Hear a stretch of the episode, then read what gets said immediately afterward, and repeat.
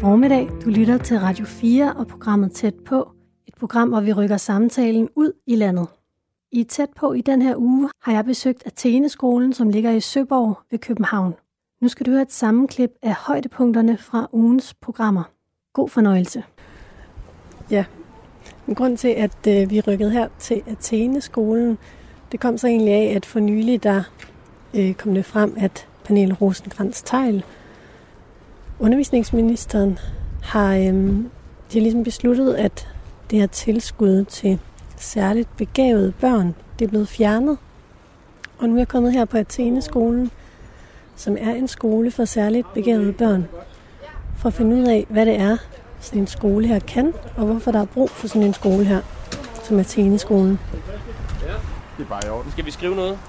Altså nu, nu har du givet mig tilsavn her, så tror jeg, at ja. jeg godt, det kan ja. jeg godt huske. God dag. Hej, lige måde. Her ved siden af mig, der står skoleleder Jeppe Lillehold, der synger.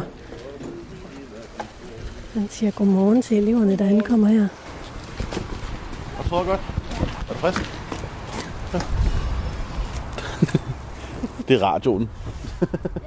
Ja, det lyder det godt.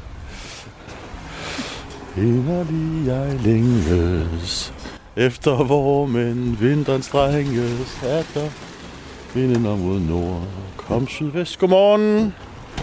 Som frosten svinger, kom med dine togevinger. Kom og løs den frosne jord. Godmorgen. Hvor mange elever er det, du siger, der går her? Jamen, der går... Fordi vi startede faktisk en helt ny 5. klasse op i mandags. Med, og der er 17 elever i, så hvis vi... Altså 165 stykker. Jeg plejer at kunne det lige på fingerspidserne, men lige nu er jeg ude af, ude af trit på tallene. Så ja, øh, det er sådan ret spændende med en helt ny 5. klasse. Det har vi aldrig gjort før at starte en helt ekstra klasse op, men der er simpelthen så mange på venteliste øh, i den årgang. Så vi startede sådan en kombination op af en 4., 5. og 6. klasse, og sagde, at vi har, vi har lavet en 5. klasse, hvem har lyst til at gå i den? Og det er så med, at der faktisk er 17 elever, der startede der i, i mandags. Så det er super spændende. Godmorgen! Er det dig, der interviewer ham? Har du kamera? Nej, jeg har kun lyd. Det er kun lyd. Det er radio. Arbejder du for radio? Ja, jeg gør. Åh, oh, jeg har tænkt på, at du skulle blive interview i radio.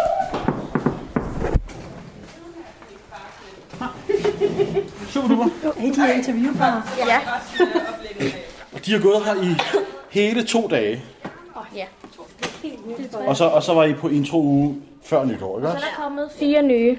Eller der er en, der har været her før, som gør i fjerde. Som så vil prøve femte. I kan gå herind, hvis I ja. sætter med uforstyrret. Jeg ved ikke, hvordan akustikken er derinde. Jeg synes, det er dejligt at gå her på Athenaskolen, fordi sådan, altså, det er jo ikke en helt normal folkeskole. Det er jo en skole for højtbegavede mennesker. Øhm, og jeg synes, det er fedt, fordi så, altså i normale folkeskoler, så er det jo måske en ud af 10 procent, der er højt begavet. Og så er det svært at få venner, hvis man nu føler sig anderledes. Så er det ret, man kan komme herhen, hvor der er folk ligesom en, og man kan øh, ja, være, som man har lyst til også. Kan jeg lige få dig til at fortælle, hvad du hedder? Jeg hedder Cecilie, og jeg er 11 år. Øhm, ja, og jeg går i 5. Omega her på Atheneskolen. Og hvad hedder du? Jeg hedder Jakob. Jeg er 10 år gammel, og jeg går også i 5. Omega på Atheneskolen. Jeg bor i København på Christianshavn, men min mor, hun arbejder lige ved siden af. Lige, ja, så vi tager bare bussen sammen hver dag til skole. Og det er ret hyggeligt. Så tager det, så er det lige 12 kilometer, men ja. Og hvad med dig? Jeg hedder Marinus, og jeg er 11 år gammel, og jeg går også i 5. Omega på Tekniskolen. Så I alle sammen startet i mandags her på skolen. Og hvor kommer du fra? Hvad for en skole gik du på før? Christianshavn skole. Og hvordan var det at gå der? Mm, Det var ikke rart, jeg blev mobbet, altså. Og så var der, der var ret meget forstyrring i undervisningen. Det er der ikke her. Jeg, jeg blev så meget mobbet, at jeg ikke kunne klare mere, altså. Det var lige før, jeg ville lade være med at tage i skole på grund af det, fordi jeg simpelthen ikke kunne lide den klasse, jeg gik i. Jeg blev kaldt øgenavnet, så, blev, så var der også en af den, der elskede at slå på mig, og så, øh, ja, det var hans hobby. For der kom forskellige hobbyer. Jeg hedder jo Jakob. Så hed jeg først Jødekop. Så hed jeg Jyttekop. Så hed jeg Jytting. Og så hed jeg Nudelhår. Hvad siger du? Altså, det er nok på grund af, at han har krøllehår, men jeg forstår ikke, hvorfor man skal gøre det, fordi jeg synes godt, jeg synes, hans hår er pænt. Det er vildt flot. Og lige nu har du også farvet det lidt. Det ser rigtig flot ud. Sådan en lyserød farve. Hvordan er det at komme hen på den her skole så, i forhold til det? Jeg føler, det er dejligt, altså. Jeg har faktisk... Altså, jeg føler, at jeg... Altså, jeg bliver ikke mobbet her. Jeg bliver, altså, jeg bliver taget godt imod, og jeg har det rigtig godt her. Altså, jeg har nogle lidt andre interesser end mange andre også. Så, øh, ja, og så er der også noget med, at jeg nemt bliver sur og ked af det. Eller det blev jeg i hvert fald en gang, og jeg bliver det stadig lidt.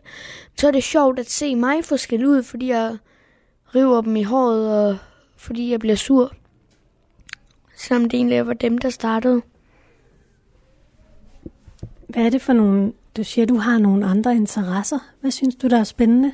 Jeg synes, jeg synes det er så spændende med sådan noget fysik og kemi. Og så faktisk også geologi og øh, rollespil. og ja, det er sådan nogle andre interesser, end mange andre har. Hvad synes du, der er spændende ved øh, geologi, for eksempel?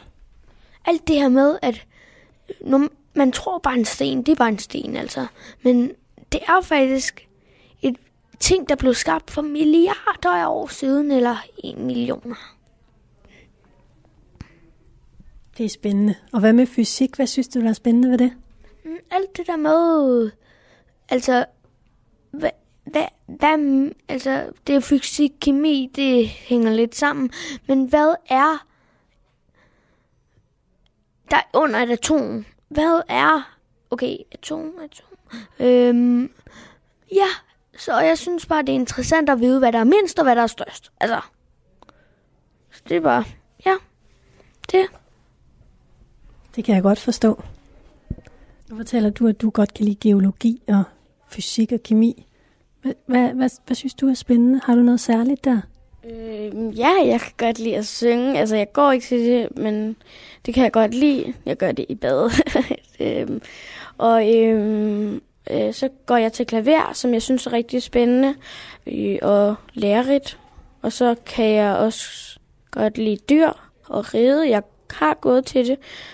Øhm, og ja, så har jeg også en hund, som jeg godt kan lide at træne ting med, med godvidere.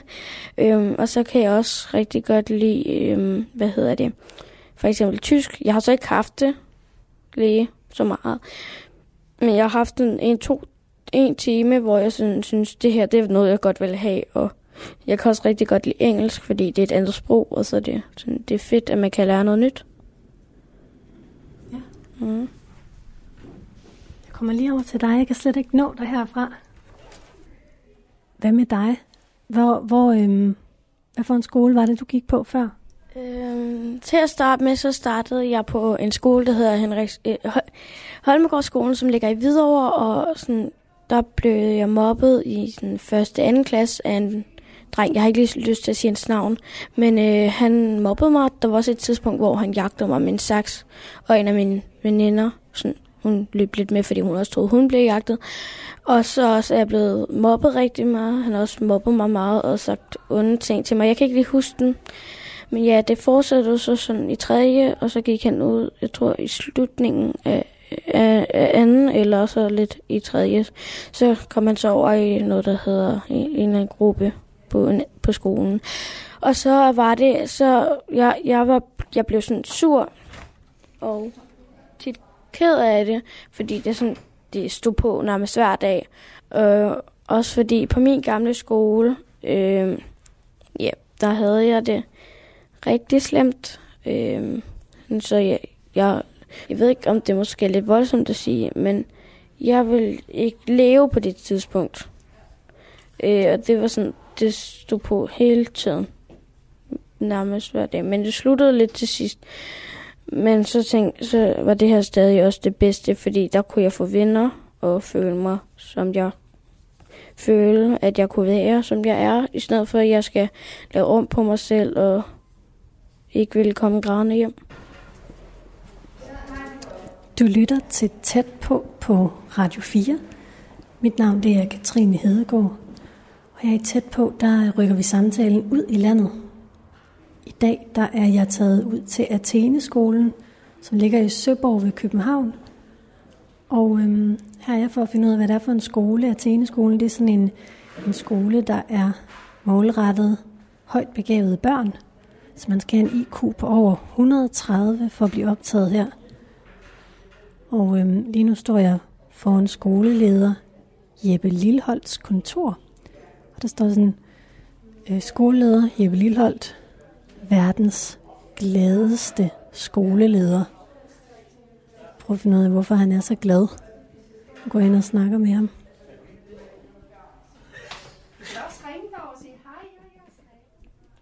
Jeppe, nu sidder vi inde på dit kontor. Hvordan kan det være, at du er verdens gladeste skoleleder? Fordi jeg er simpelthen så glad for det arbejde, jeg har her. Øhm, jeg har aldrig oplevet så meget arbejdsglæde, som siden jeg startede her. Det er en fed skole at være på, og der er en fed energi at være her. Øhm, det har også altid været en skole, jeg har gået og holdt lidt øje med. Så da jeg fik det job her, så var jeg simpelthen bare fattet på den rigtige hylde, synes jeg. Det er bare et godt sted at være. Ja. Kan vi prøve at tage det der kort, der ligger der? Ja. Kan du prøve at fortælle lidt om, øh, hvad er det, vi kigger på her? Jamen egentlig, fordi vi øh, lavede sådan en, en statistik over, hvor egentlig vores børn de kommer fra. Og der kan vi se, at vi har elever fra, fra, fra 24 kommuner. Øh, fra, fra det nordligste Nordsjælland til, til Roskilde Kommune. Så de kommer langvejs fra for, for at gå her, øh, fordi vi er et, et unikt tilbud, og hvor der er et behov for de her elever. Jeg tænker, det her det er jo bare Københavnsområdet, ja. øh, Nordsjælland og sådan, men det må jo være et, øh, der må jo være rigtig mange børn. Så det er vel et landstækkende fænomen, det her med at være højt begavet. Hvor, hvad, hvad tænker du om det, at der kun er skolen her, så er det vist også ind i Aalborg, men hvad tænker du om det? Jamen jeg tænker jo, at, at, at selvfølgelig er der et behov. Altså det er jo, vi, det er jo, det er jo 2% af den samlede børnemængde, og de 2% bor jo ikke kun i Nordsjælland. De bor i hele Danmark. Vi har så et tilbud her. Der er et tilbud i Aalborg også, øh, og så er der øh, to nye tilbud undervejs også. Hvor kommer de til at ligge? Ja, der kommer til at ligge en i Roskilde, og der kommer til at ligge en i øh, Greve. Og jeg synes jo, det er... Altså, jeg er jo glad for mit arbejde, jeg er glad for min skole. Jeg kan også bare mærke, at de elever, vi har, meget ofte kommer til på grund af en mistrivsel i det ordinære system. Og det vil så sige, at det ordinære system er ikke gearet til den her elevtype endnu. Og så frygter jeg jo, at der er 2% yderligere i resten af landet, som, som faktisk mistrives, som kunne få det bedre ved at gå på en skole som vores. De mobbede mig med mit røde hår, og ja, det har jeg. Og jeg synes, det var rigtig irriterende, og sådan, jeg prøvede at holde det inde i mig, og sådan lade være at blive sur. Og de sagde sådan noget med sådan lavehår. Hvis jeg godt ville have længere, skulle jeg bare bade i lava, eller jeg har blodhår, og så viskede de, så viskede de også ting bag min ryg. Jeg hørte bare, at de sagde mit navn. Øhm, og så hørte jeg også noget med, at de sagde ginger og sådan noget. Og det forstår jeg ikke, fordi det betyder, de kalder mig også en orangutang. Men jeg forstår ikke, hvorfor de skal sige sådan noget, fordi blandt andet ginger, det er jo sådan set også ingefær. Og jeg ligner ikke ingefær, jeg ligner et menneske. Altså, jeg tænkte enten, at jeg havde lavet livsfejl. Jeg følte ikke, det var meningen. Jeg, føl, jeg, vil, jeg følte, at det ville måske ville være meget bedre, hvis jeg slet ikke var blevet født. Jeg øh, har intet mod et generelt skoleløft. Det er rigtig vigtigt at hjælpe alle børn på alle niveauer. Men du hjælper ikke de højt præsterende højt begavede ved at fjerne talentprogrammerne. Det er jo ikke sikkert, at de højt begavede alle sammen vil have været på de her talentudviklingsprojekter. Det er heller ikke, der er måske også nogle højt præsterende. Der er forskel mellem at være højt præsterende og højt begavet. Men højt begavet i de rigtige tilbud bliver ofte også højt præsterende. Så det er rigtig vigtigt, at, at få i tale sat, at fjerne støtten fra, fra, fra dem, der præsterer godt, og for talenterne og for de højbegavede, det er et, et forkert signal.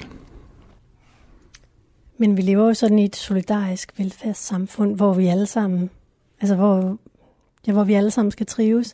Er det ikke bedre at lægge alle pengene, sådan, så vi, vi hjælper alle, frem for at, at bruge penge, de begrænsede penge, der er, på at hjælpe få? Jamen, du hjælper jo ikke alle ved at skære 2% fra. Vi siger jo også, vi, vi altså også bunden, det har jeg også sagt tidligere med, at, at klokkekurven, altså intelligenskurven er en klokkekurve. Og der er masser af tilbud til de nederste 2%. Det skal der også være. Men det er da også et, et, et fejlgreb, hvis man så siger, at vi hjælper ikke, vi hjælper ikke de øverste 2%. Fordi det kunne også være, det var der, der var noget iværksætteri, der kunne være nogle nye opfindelser, der kunne være alt muligt andet, som kunne understøtte økonomien senere hen. Og det er jo rigtig rart på et samfundsøkonomisk plan, men du vælger faktisk også at sige, at her er der 2%, som kunne have det rigtig dårligt med sig selv og være i mistrivsel, fordi de ikke blev forstået et ordentligt system. Dem vælger vi at lade være med at satse på. Jeg tror, der ville være et ramaskrig, hvis man sagde, ved du, de nederste 2%, dem tager vi ikke, fordi vi skal være solidariske med midtergruppen. Så, så det er jo ligesom det, jeg prøver at gøre opmærksom på. Nu har jeg så lavet en skole her, som, øhm, altså hvor, hvor der kun er højt begavede børn. Hvordan er det for, for de børn at komme ud til den almindelige dansker, når de kommer ud herfra? Kan det ikke give nogle problemer? Nej, fordi de har en, en robusthed og en, en forståelse af egen selvformåen, når de kommer herfra. De er jo dannede mennesker, når de går herfra. Det er jo i, i, i opbyggelsesfasen, vi hjælper dem og understøtter dem. Det der med, at de har nogen at spejle sig i. Det er der, hvor vi går ind og, og, og, og, og hjælper dem med deres personlighedsdannelse og giver dem en tro på sig selv. Altså det er så vigtigt, at hvis man skal forme sig selv som person, at man er i trivsel med sig selv. Og det er også derfor, vores, vores niveau, vores faglige niveau er jo ikke baseret på, på, at vi skal præstere godt fagligt. Det, vores faglige niveau er baseret på, at højbegavede børn trives med faglige udfordringer, fordi det er trivselen, vi vægter. Og hvis vi sætter nogle teenager herfra, som går med rank ryg, et fast blik i, eller et, et, et fast blik, så har vi gjort vores opgave godt, og så er de også parat til verden. Og det er også et af vores dannelsesmål, det er, at de skal være dannet og parat til verden, når de forlader skolen herfra. Det, som de måske tidligere i deres, i deres dannelse har, har betragtet som værende deres underlighed, det er jo gået hen og blevet deres styrke. At det er okay her at sige, jeg vil egentlig gerne være raketforsker, uden at blive, og, og også, også vælge at sige, at nørd, det er en positiv betegnelse for mig, eller jeg kunne godt tænke mig at være dirigent, jeg kunne også godt tænke mig at være øh, kunstmaler, for det, det må man gerne her. Fordi det med, okay fedt, du har en særinteresse, det kan jeg som din kammerat lære noget af. Som opdager det med, at jamen, min underlighed, det er faktisk min styrke. Det er noget af det vigtigste, vi kan give dem med herfra. Men fanger I alle de der underligheder, altså i den der optagelsesprocedure? Fordi den, som vidt jeg har forstået, sådan jo, bygger den jo på sådan en logisk, matematisk øh, sans. Jamen altså, nu, nu, nu bruger jeg underlighed, fordi vi synes jo ikke, det er underligheder. Altså, vi bruger det med der, der hvor de godt kan være misforstået i deres ordentlige system, fordi det er jo egentlig faktisk bare deres, deres interessefelt, eller deres hvidebegærlighed. Så måske skulle vi tage at bruge ordet hvidebegærlighed i stedet for underlighed, ikke? Men ja, det, det, det fanger vi jo, fordi at, at, at øh, når vi tager en, en, en, en, en elev ind, så har de jo fået lavet en, en, en IQ-test. Altså typisk det er en visk, hvor de skal ligge på 130 eller derover. Og det er rigtigt, den måler på nogle bestemte parametre, noget, video, noget visiospatialt, noget resonering, noget verbal forståelse, arbejdshastighed og arbejdsudkommelse. Og det er et begrænset felt, men det er jo det, der ligesom er det, det, det er det felt, man også måler på ude i PPR og i psykiatrien, når man skal måle, hvad er begavelsesniveauet. At de så også måske har noget, noget musisk intelligens og noget emotionel intelligens og fysisk og sportslig intelligens osv., det er ikke rigtigt det, vi måler på. Men det er der også plads til her. Det vi kigger på nu, det er, så det er simpelthen deres, deres G-faktor, som det er dem, som, som den måler på IQ-testen. Og der ved vi så, at det er den målgruppe, vi har her, og de kan spejle sig hinanden på den måde. Og så kan de så, øh, så er der plads til alt det andet også. Altså vores kunstniveau, eller kunstundervisningsniveau er på et højt niveau. Vores musikundervisning er også på et højt niveau, fordi så er der nogen, der også ved siden af, at de har det her, også spiller klaver, eller har vundet en Steinway-konkurrence, eller spiller violin, eller er springgymnast på højt niveau. Vi har også nogle elever, der går fra to gange om ugen for at dyrke, øh, altså gå på sportscollege ved siden af skolegangen her. Så der er også plads til de ting. Men det, der er det fællesnævneren for de her elever, det er, at de har en høj øh, G-faktor. Men er der sammenhæng mellem, altså kan man godt være virkelig, virkelig musikalsk begavet, og så ikke være god, altså, og så ikke score højt på den der IQ-test? Altså, taber I de elever? Jamen, jeg ved ikke, vi taber dem, så er vi bare ikke det rigtige tilbud til dem. Altså, intelligens er mange ting, men når man snakker begavelse, så, så, så, så er det jo visketesten, vi måler på. Ikke? Øhm, så, så, så det tilbud, vi har, passer til de elever, vi har. Og det er jo en del af spektret. Og så kan man jo sagtens være musikalsk begavet, men, men ikke være inden for vores målgruppe. Men så er der musikskoler. Altså lilleskolerne har også et fantastisk tilbud til dem, der er rigtig, rigtig kreative. Der er også skoler med musikprofiler og alt muligt andet. Og det er jo det, der man siger, profilskoler er gode at have, fordi man får faktisk dækket det hele ind. Altså, øh, Sankt Anne er jo heller ikke asociale, fordi de vælger at give tilbud til, til musikalske børn. Det ødelægger jo ikke øh, den hvad hedder, sammenhængskraften i Danmark. Det gør faktisk bare, at der er tilbud til de børn. Når jeg for eksempel bliver sur, så er jeg ikke 11 år. Så kan jeg godt virke som en på 5 år, fordi jeg kan råbe og skrige. Ikke moden, som alle fra min gamle klasse skulle være. Man skulle være moden, fordi man er 10 år. Det synes jeg var helt vildt latterligt. Eller det var på min første skole. Det synes jeg var helt vildt latterligt. Øh, at man skulle til at være moderne og voksen og moden og ikke være bange for noget som helst. Og lærerne gjorde så ikke specielt meget. De siger bare, at vi har prøvet, vi I kan ikke gøre andet, når de bare sagt stop og ikke andet. Men der var også nogle lærere, der prøvede, men bare ikke helt kunne. Men jeg så i 4. klasse, så var det, jeg så på et eller andet tidspunkt, så skulle jeg åbenbart have sådan en lærer, AKT-lærer, så jeg ikke måtte være inde i timen, og det kan man på en måde godt sige, at det blev jeg dummere af. Jeg fik ikke lov til at lære noget, jeg skulle bare sidde og...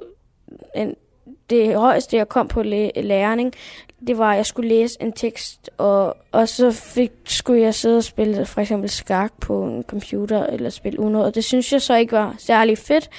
Jeg havde meget nedsat skema.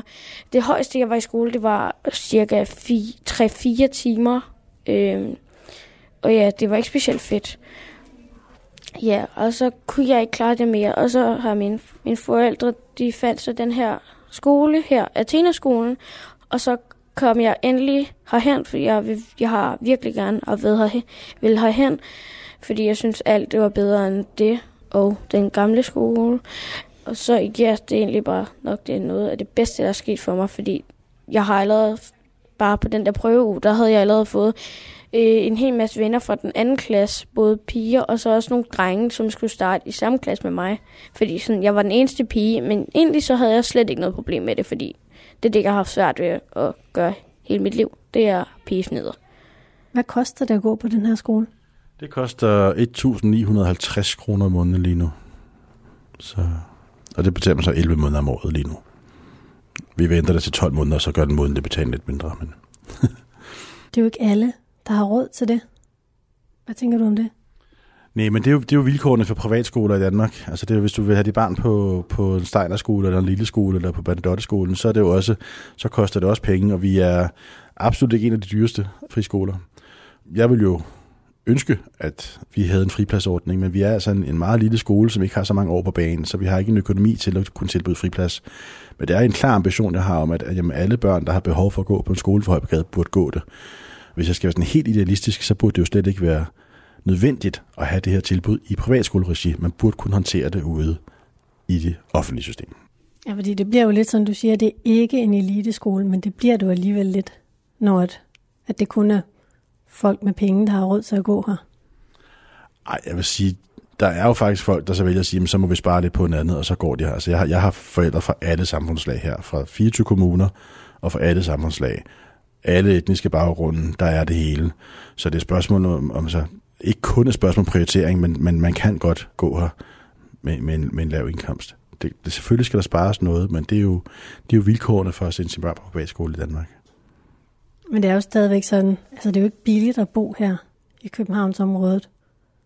Det er jo stadigvæk, øh, altså man skal jo have en høj indkomst for at bo her i, i Nordsjælland og København.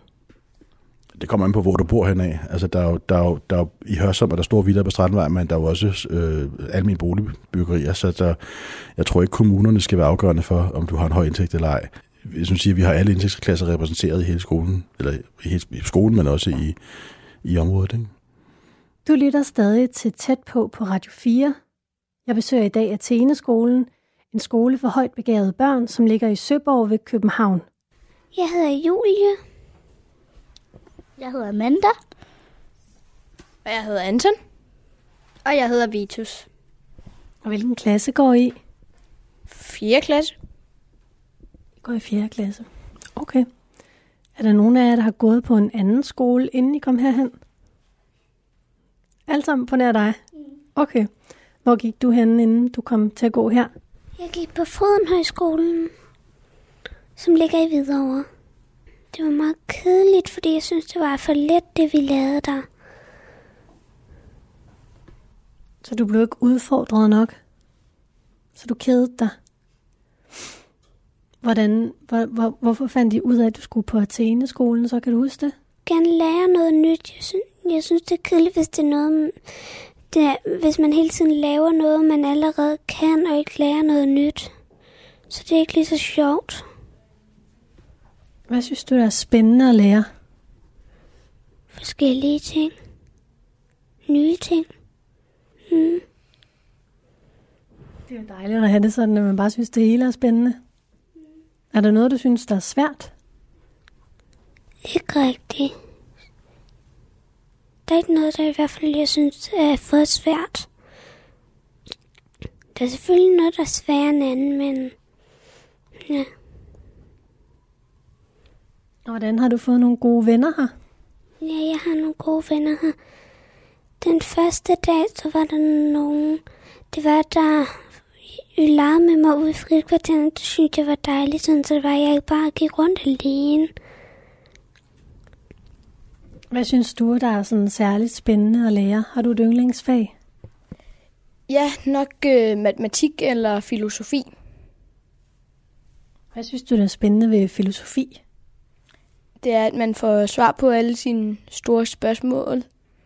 Altså, nogle gange, når det er, at man skal sove, så kommer der lige pludselig et eller andet stort spørgsmål, og så kan man bare ikke falde i søvn, fordi det kører rundt, og man prøver at finde et svar. For eksempel, og der er, det er dejligt at vide sådan nogle ting. Der er også meget med socialitet, som altid kan være godt. For eksempel, når man skal på et arbejde og sådan noget. Vi taler meget om venskaber. Sådan, jeg tænker meget, hvordan venskaber egentlig bliver dannet. Altså, jeg føler bare, at de kommer op. Men der må være et eller andet. Og vi taler også lidt om hjernen og sådan noget. Hvordan det er, det hele hænger sammen. Spændende. Jeg tænkte, når du ligger der om aftenen der, og de der store spørgsmål dukker op i dit hoved, kan du huske sådan et stort spørgsmål, der er dumpet ind i dit hoved der? Ja, hvorfor øh, skal der være noget liv? Hvorfor har, uni- kan, har universet valgt, at der skulle være liv i universet? Hvorfor, hvorfor bare generelt opstod ting? Og hvorfor er ting her? Jeg kommer lige over til dig. Hvad var det nu, dit navn var igen? Det var Vitus. Vitus, ja. Hvor har du gået i skole henne før Vitus? Jeg gik på en skole, der hed Skovlunde Skole, og den lå jo så i Skovlunde. Hvordan var det at gå der? Det var ikke så fedt. altså, opgaverne var jo ikke rigtig så svære nok. Så derfor, ligesom Anton, fik jeg også virkelig mange ekstra opgaver. Imens resten af klassen så lavede noget andet, hvilket også gjorde, at det var lidt sværere få venner, fordi man ikke rigtig var med til det, de lavede.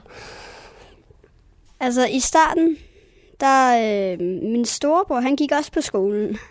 Og der var ligesom to steder, der var frikvarter. Og jeg legede altid med min storebror og hans klasse.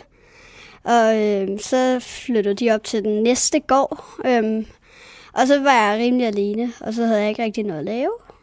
Øh, fordi jeg havde nogle venner, men jeg ved egentlig ikke rigtig, hvorfor de ikke sådan legede med mig. For nogle gange var det som om, de gerne ville lege med, med mig, og andre gange så var det bare, hej hej.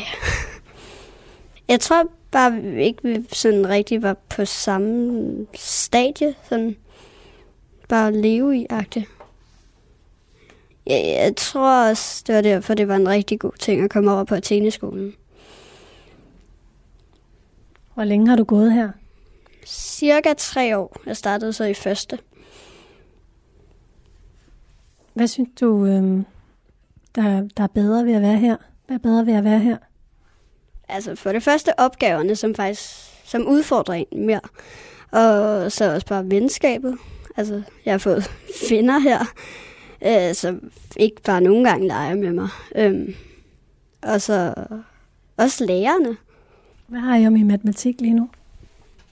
Altså, vi har um, koordinatsystemer lige nu. Og så her, det var en opgave for eksempel, hvor man skulle skrive sit navn ind i et koordinatsystem. Og så skrive uden for, hvor det sådan er i forhold til hinanden. Ja. Har du også sådan nogle store spørgsmål i dit hoved? Sådan noget, du gerne, noget du ikke forstår, og som du gerne vil have svar på?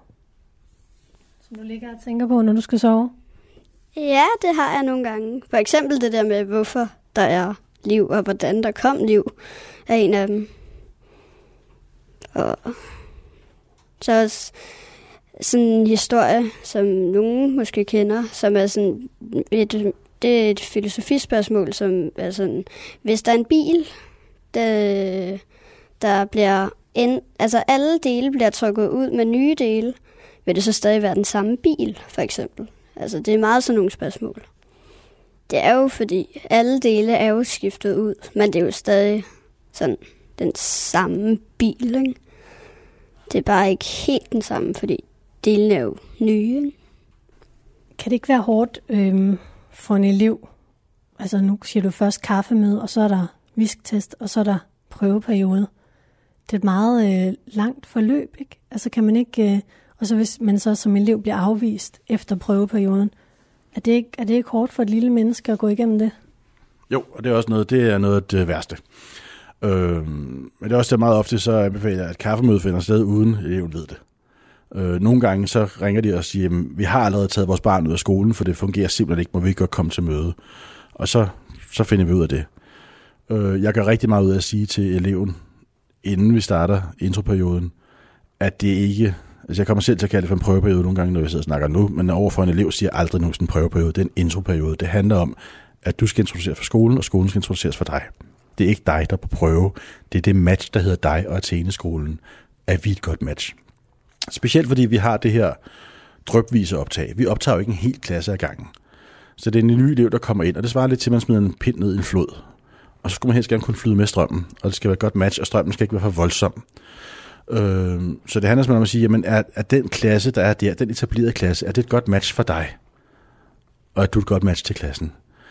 Øh, og det er jo selvfølgelig for også at gøre et eventuelt afslag så blidt som muligt. Øh, og det skulle helst ikke være så, at nogen gik herfra skuffet, uanset hvad udfaldet var. Der er en rigtig god kommunikation omkring det. Jeg gør meget ud af at forklare, hvordan optaget skal være. Øh, de får en løbende tilbagemelding i løbet af introperioden også om, hvad, hvad kunne udfaldet godt gå hen og pege på, og kan I ikke lige snakke med jeres barn om det og det og det. det. Øhm, så det er... Det vil sige, vi starter på den hårdeste måde, man overhovedet kan. Altså det er, det er enormt hårdt, det der med at skulle sige, vi bliver nødt til at se, om, om det er det rigtige match. Men når det så er klaret, så, så har de altså et fantastisk godt skoleforløb. Men det er, det er, den, det er den værste del af det. Hvor ofte afviser I børn? Det har jeg ikke ført nogen statistik over. Øh, meget ofte så kommer det også frem til kaffemøde. Øh, jamen, hvad er der egentlig af bagvedliggende historikker? Nogle gange så har man kun sendt en, en visktest, øh, men så må der måske også være noget bagvedliggende, nogle bagvedliggende problematikker. Altså nogle, nogle, en autismespektrumforstyrrelse eller noget ADHD. Øh, og der er jo at sige, vi kan, vi kan, vi kan godt rumme en, en, nogle børn med en mild autismespektrumforstyrrelse, eller det gamle, der hedder en Asperger, eller en mild ADHD, men vi er ikke en specialskole. Og diagnosen må aldrig nogensinde fylde mere end begavelsen. Det er en skole for højbegavede børn. Så er der så lige den arbejde, det er, at nogle af dem, som måske har fået mistanke om, at de måske har en, øh, en Asperger eller andet, jamen den har måske været fuld flor, fordi at de har haft det rigtig, rigtig dårligt ude i de ordinære tilbud, men når de kommer her, så træder den faktisk tilbage fordi de nu er en ramme, der er stille og rolig, og en ramme, der giver dem den faglige udfordring, så de faktisk kommer mere i, i fluxus med sig selv, hvis man må bruge det udtryk. Men, men hvis vi mener, at diagnosen begynder at fylde mere med begavelsen, så bliver vi nødt til at sige, så er vigtigt rigtigt tilbud. Så vil vi rigtig gerne hjælpe med at finde et godt tilbud, for der er gode, højt faglige tilbud til børn med Asperger forstyrrelser derude. Nu sidder vi inde i sådan et meget lille rum sammen med jer. Tre elever fra 9. klasse. Kan jeg få jer til at lige præsentere jer selv? Uh, jeg hedder Anders, og jeg er elevrådsformand og går i 9. klasse. Jeg hedder Emil, jeg er 15 år, og jeg går på Athene-skolen. Jeg hedder Benjamin, jeg er 16 år, og jeg går også på Athene-skolen her i 9. Og jeg er meget interesseret i rummet. Vi er begge to rumnørder, og det er, det er noget, vi er stolte af at være. Det skal også være sejt. Ja. Og øhm, du siger, at alle sådan her på skolen ligesom... Altså det er meget typisk, at alle ligesom har et eller andet, som man er god til, som man fordyber sig i. Kan der også være nogle... Altså, er der også noget, I er dårlige til? Ja, altså, der er, der er, vi er næsten alle sammen gode til et eller andet, og så, så er der selvfølgelig nogle ting, man ikke er så gode til. Mange af os er ikke utrolig interesseret i idræt. Nogle af os, vi er, altså vi har alle sammen vores specielle ting. Nogle kan ikke så godt lide dansk eller tysk. Ja. Hvad, hvad med dig selv? Er der noget, du ikke så godt kan lide? Eller hvor du føler dig udfordret? Det er, jeg kan ikke rigtig pointere et enkelt fag, hvor jeg, hvor jeg ikke rigtig føler, føler, at jeg kan følge med eller noget. Tysk, det er dog en lille smule besværligt en gang imellem. Men øh, alle de andre fag, de er, de er meget gode. Du startede øh, her på skolen i 4. klasse. Ja, det gjorde jeg. Kan du fortælle lidt om det? Sådan forskellen fra din gamle skole og så til Athene-skolen? Ja. På min gamle skole, der, øh, der havde jeg det ikke godt på nogen måde. Der, øh, der øh, var jeg mest alene. Jeg havde ikke rigtig nogen venner der. Det, jeg ved ikke rigtig, hvad det var, om de synes jeg var anderledes eller noget. Det ved jeg stadigvæk ikke. Men øh, der var i hvert fald ingen, der gad at være sammen med mig eller lege med mig. Så øh, jeg løb mest bare rundt på øh, legepladsen for mig selv. Kravlede i træer. Mest bare alene. Kan du sådan en særlig oplevelse fra den gang? Kan du komme med et eksempel på det? Altså, det var, øh, det var egentlig bare meget med, at øh, jeg løb rundt alene og kravlede i træer og sad og kiggede ud på de andre lege sammen. Ja, jeg havde det ikke godt på nogen måde. Det var, øh, det var ikke særlig rart at være alene i så lang tid. Fordi det var næsten hele min skolegang. To-tre år, hvor jeg ikke rigtig havde nogen at lege med. Blev du også mobbet? Nej, de, øh, de lå mig egentlig bare for det meste være. Være alene. Hvorfor tror du, det var sådan, du er en sød og rar dreng? Altså, det, det ved jeg stadigvæk ikke helt. Det er, jeg undrer mig stadigvæk også over, hvorfor de øh, ikke rigtig kunne lide mig, og ikke gad at være sammen med mig. Jeg, øh, jeg klarede mig ret godt i sådan noget med, øh, med matematik og andre ting, og jeg synes også, at skolen den var, øh, den var øh, for let. Men øh, jeg ved det stadigvæk ikke. Hvornår, øhm, altså hvad, kan du fortælle lidt om det der med at skifte så? Hvornår fandt du ud af, at du skulle det? Det øh, fandt vi ud af i øh, 4. klasse omkring øh, nytår, hvor øh, mine forældre og min lærer kunne godt se, at det her, det gik ikke. Jeg kedede mig i undervisningen. Jeg øh, klarede mig overhovedet ikke godt med øh, vennerne på nogen måde. Og så sagde de, at så, øh, det her det går ikke, vi må, vi må få ham over på en anden skole. Og så mine forældre, de fandt så Athene-skolen her. Og det var, øh, det var et kæmpe skift, fordi lige så snart jeg kom herover, så kunne jeg mærke, at det her det var helt anderledes, og jeg blev rigtig hurtigt venner med, øh, med Benjamin her. Og øh, vi, øh, vi klarede os rigtig godt. Jeg kunne, øh, jeg kunne rigtig godt lide at være på skolen her. De andre, de synes ikke, jeg var anderledes på nogen måde. Jeg var øh, ligesom dem, og jeg fik meget hurtige venner her. Og øh, meget hurtigt, så, øh, så begyndte jeg også at interessere mig for de andre ting, som de gjorde. For eksempel, så, øh, så var det der, jeg blev en rumnørd. Jeg, øh, jeg blev venner med Benjamin, og så øh, begyndte jeg også at interessere mig rigtig meget for rummet. Når man skal starte på den her skole, så skal man øh, gennem sådan et optagelsesforløb, ikke? Jo. Kan, kan du fortælle lidt om det? Man er på besøg i 14 dage, øh, så lærerne kan se, øh, om man passer ind på skolen, øh, så de kan prøve at finde ud af, hvad der er bedst for den individuelle elev. Og øh, i de fleste tilfælde, jeg har hørt om, så ender det med, at man passer helt fint, og så får man lov til at komme ind på skolen. Der er enkelte tilfælde, hvor, øh, hvor man ikke passer så godt ind her, og så kan man så bliver man rådet til at finde en anden skole at gå på. Øhm, men vi har jo fra 4. klasse op efter, er der forholdsvis store ventelister på alle klasserne. Øhm, og det har noget med at gøre, noget at gøre med, at man generelt opdager høj intelligens lidt senere, og ikke allerede i 0. 1. og 2. klasse.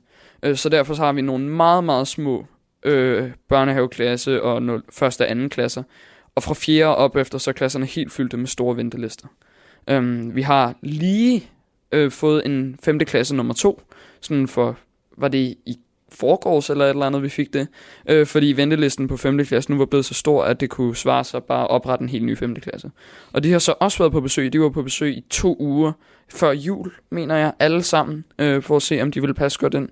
Så nu har vi en helt ny 5. klasse. Det er vildt nok. Hvor kommer I egentlig fra? Altså, bor I lige i nærheden? Eller? Jeg gør, de andre gør ikke. Øh, jeg bor nede, i, øh, nede ved Uderslev Mose, 3 km herfra. Det er under et kvarter på cykel. Dejligt tæt på. Øh, men langt de flere. Vi har også et kort derude, som viser, at der er mange, der bor længere væk fra skolen. Vi kommer fra stort set hele Sjælland. I hvert fald hele hovedstadsområdet. Hvor kommer du fra? Jeg kommer ud fra Værløse, og der er, der er altså langt med offentlig transport. Der er 45 minutter hver vej. Så øh, det, er, det er ret lang tid for at komme i skole. Men det er trods alt meget bedre, end at ikke have nogen at lege med i frikvartererne.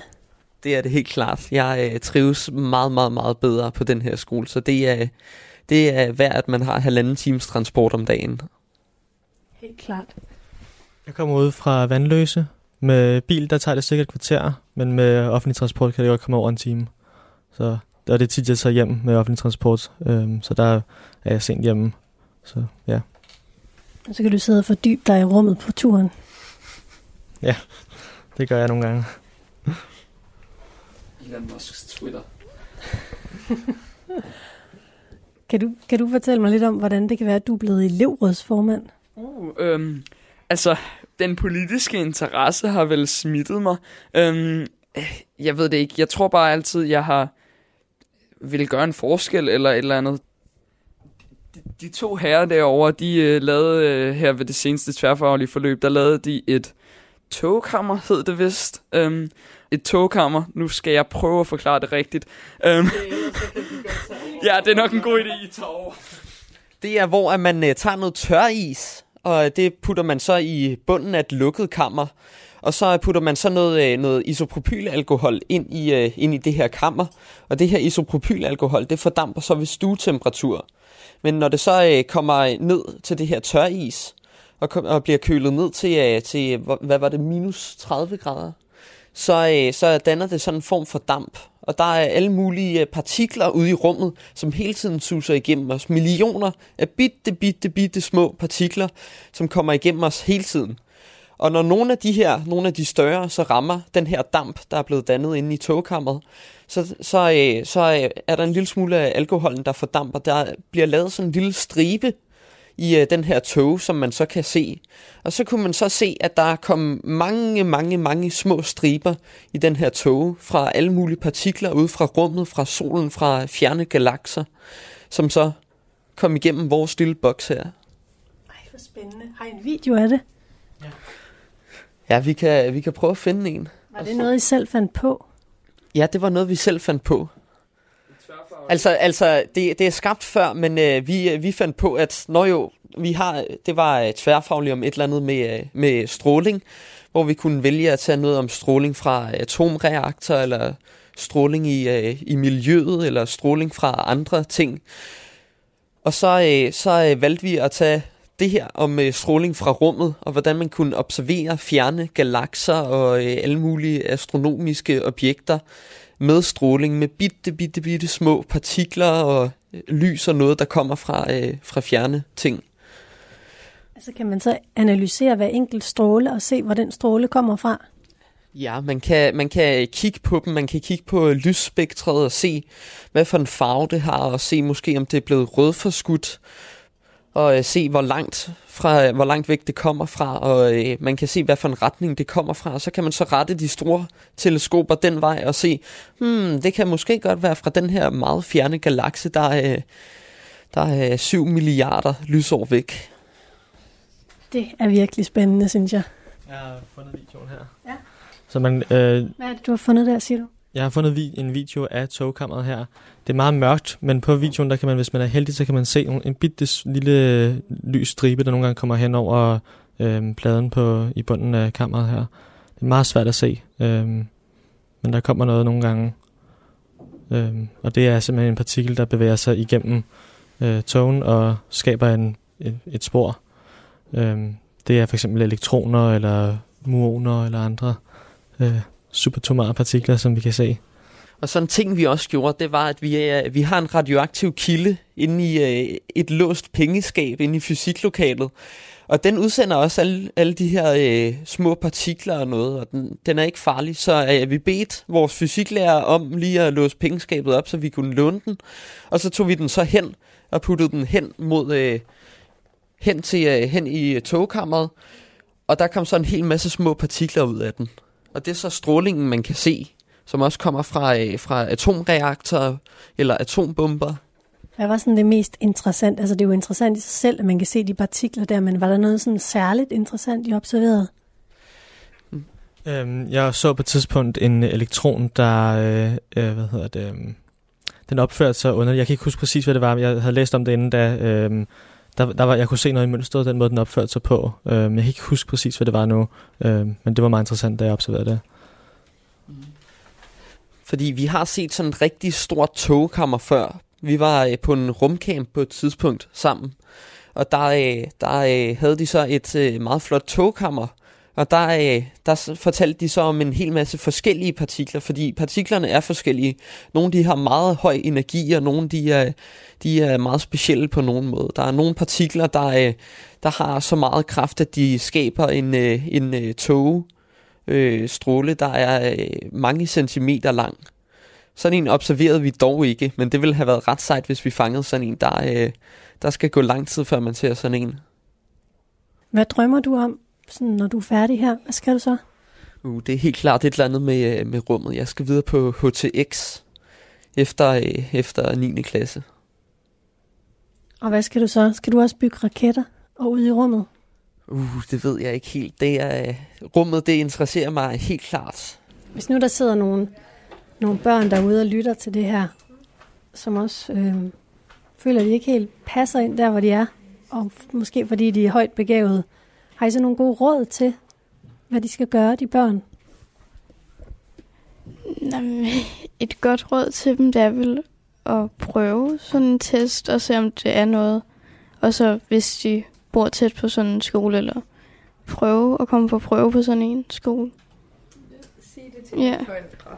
Ja, sig Sig det til forældrene. Sig det til forældrene eller skolen. Hvis, hvis skolen Ja, hvis du ikke har det godt, så skal man jo Ja, tage kontakt til en voksen. tit så tror jeg godt lidt, at hvis man har det sådan ikke så godt på sin skole, både fagligt, måske også socialt, så tror jeg godt nogle gange, man kan komme til at gå meget med det selv.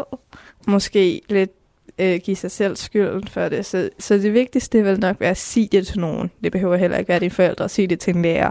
Sige det til en onkel, en ku- kusine, en moster, en eller anden. Bare, bare sige det til nogen, sådan, så du ikke er den eneste, der skal gå rundt med det. Var var der også det, du ville sige, Snor? Jeg vil bare sige, jeg tænker, hvis du har, synes det er for nemt, så tænker jeg først, man kan prøve at opsøge skolen og se, om de kan komme med nogle tilbud, og ellers kan man opsøge de skoler, der er i Danmark rundt. Der er ved at være et, en håndfuld. Men det kan jo være svært, hvis man bor i Ringkøbing og har utrolig langt til Atheneskolen eller Aalborg. Så står i grundskole eller folkeskoleloven, at øh, folkeskoler er forpligtet, eller skoler i Danmark er forpligtet til at hjælpe børn med at øh, have det godt og øh, have det fagligt niveau, som du har brug for.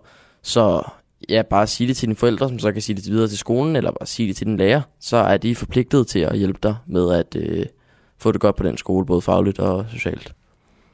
I den perfekte verden, der vil man jo, der vil der jo ikke være nogen, der havde mistrivsel på nogle skoler. Fordi at øh, skolerne skal jo hjælpe dig, i, især fagligt, så du ikke begynder at kede dig og mister interessen for at gå i skole. Og derfor ikke når de muligheder, som du kunne have nået, og ikke øh, oplyse det potentiale, som du har. Tusind tak skal I have. Det var, det var hyggeligt. Og hvad skal I nu? Så skal vi videre ud på, øh, hvad var det, det hed? Medicinsk museum, øh, hvor vores biologilærer har øh, skabt en tur ind til. Du har lyttet til et sammenklip af højdepunkterne fra denne uges tæt på. hvor jeg har besøgt Atheneskolen i Søborg ved København. Atheneskolen er en skole målrettet børn med en IQ på over 130. I udsendelsen medvirkede skoleleder Jeppe Lilholdt, 4. klasses eleverne Julie, Amanda, Anton og Vitus, 5. klasses eleverne Cecilie, Jakob og Marinus, 7. klasses eleverne William, Lukas, Snore og Johanna, 8. klasses eleverne Lea, Maja og August, og endelig 9. klasses eleverne Emil, Benjamin og Anders. Mit navn er Katrine Hedegaard. Du kan finde tæt på som podcast på radio4.dk i vores app eller i iTunes. Tak til Atheneskolen, og tak til dig, fordi du lyttede med.